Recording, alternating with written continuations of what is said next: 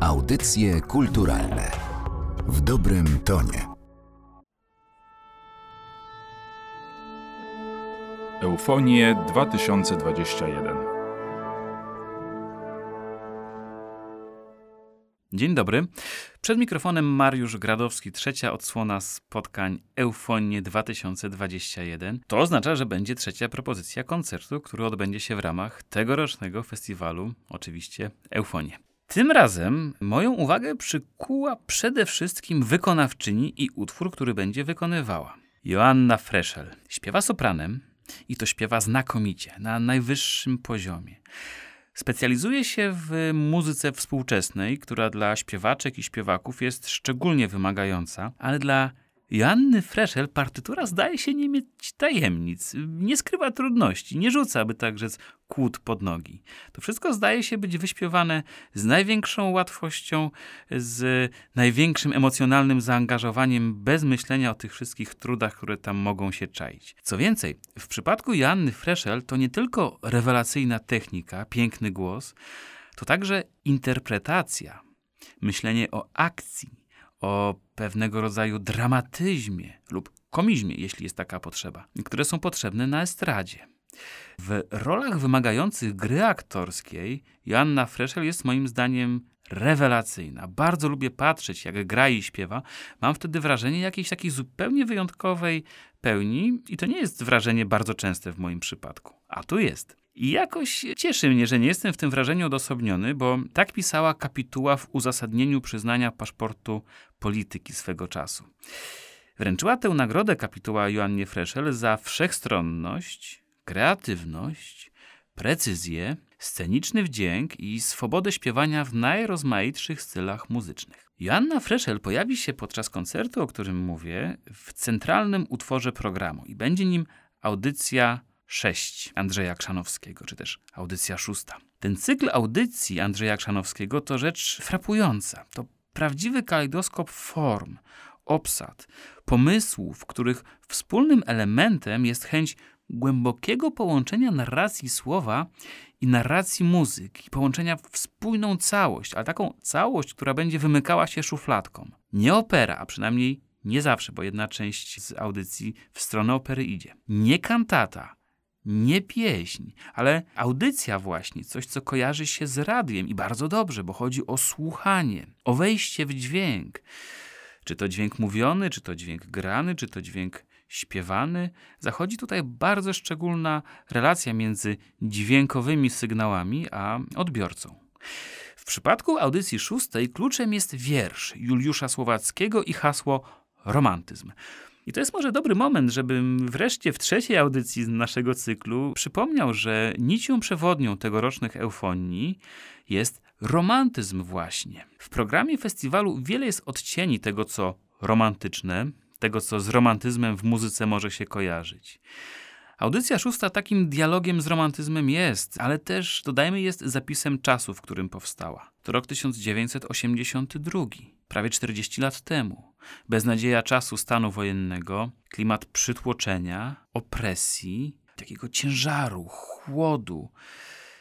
I w tym wszystkim Słowacki. Bardzo to ciekawe, bardzo to frapujące. Myślę, że szczególnie ten utwór wybija się spośród całego programu koncertu, na który chciałbym Państwa szczególnie zaprosić. No ale byłbym niesprawiedliwy, ponieważ dwa kolejne elementy tego programu są także bardzo ciekawe. W audycji szóstej Andrzeja Krzanowskiego obok Joanny Freszel pojawi się chyba mimo wszystko, mimo moich wielkich sympatii do sopranistki, mimo wszystko jednak główny bohater tego koncertu. Kwartet Śląski. Powiem tak, kto wie, ten wie, a kto nie wie, niech mi uwierzy na słowo. To jest jeden z najlepszych, a dla niektórych najlepszy, jeden z najbardziej uznanych polskich kwartetów smyczkowych. No klasa, co tutaj dużo mówić. I to też jest magnes dla pewnie części z Państwa, nawet może większy niż Joanna Freszel. Ja bym się tutaj kłócił. Ale nie kłócę się za bardzo, bo faktycznie kwartet śląski jest rewelacyjny.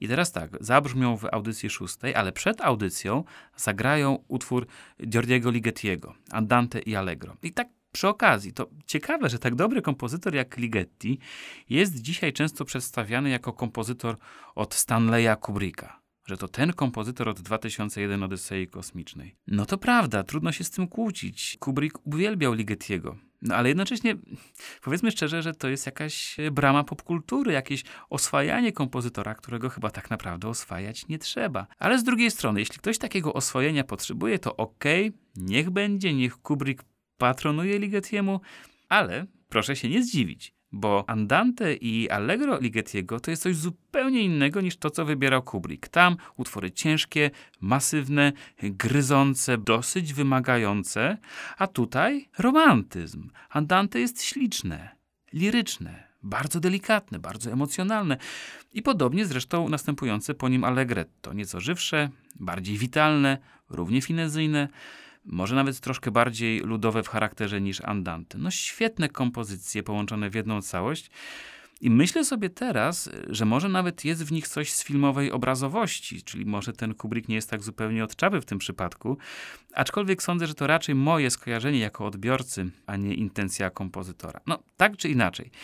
Jeśli ktoś oczekuje grozy, to tutaj się rozczaruje, ale jeśli ktoś oczekuje kina, no to chyba nie, to chyba coś z kina i z filmu tutaj odnaleźć może. Na pewno z romantyzmu. I jeśli ktoś e, szuka właśnie tego romantycznego motywu, tej romantycznej nici, to pewnie uśmiechnie się na widok tego, co jest w drugiej części programu. Bo tam pojawia się prawdziwie romantyczny hit. Hit muzyki XIX wieku. To nie jest hit Chopina. To nie jest hit Moniuszki. Ani nawet Wieniawskiego. To jest, drodzy Państwo, kwintet Juliusza Zaremskiego. Rzecz absolutnie fenomenalna. Rzecz, która sławi imię naszej muzyki, mówiąc lekko żartobliwie, na całym świecie. Sam Juliusz Zaremski to postać fantastyczna. Wirtuos, świetny kompozytor, przyjaciel lista, muzyk, który starał się rozpropagować w świecie fortepian dwuklawiaturowy. No nie wyszło mu to specjalnie, ale myślę, że nie jest jakaś wielka skaza w jego historii, raczej ciekawostka. Szkoda, że pozostawił po sobie w gruncie rzeczy tak niewiele kompozycji, no ale dobrze, że je pozostawił, w szczególności właśnie ten jego kwintet, kwintet G-moll z roku 1885 fenomenalny.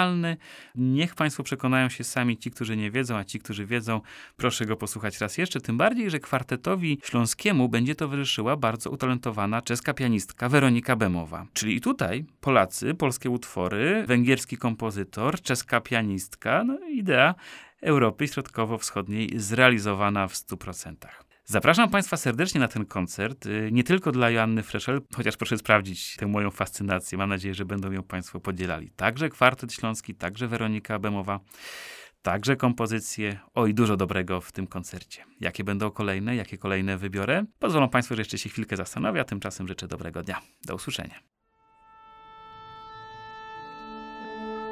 Eufonie 2021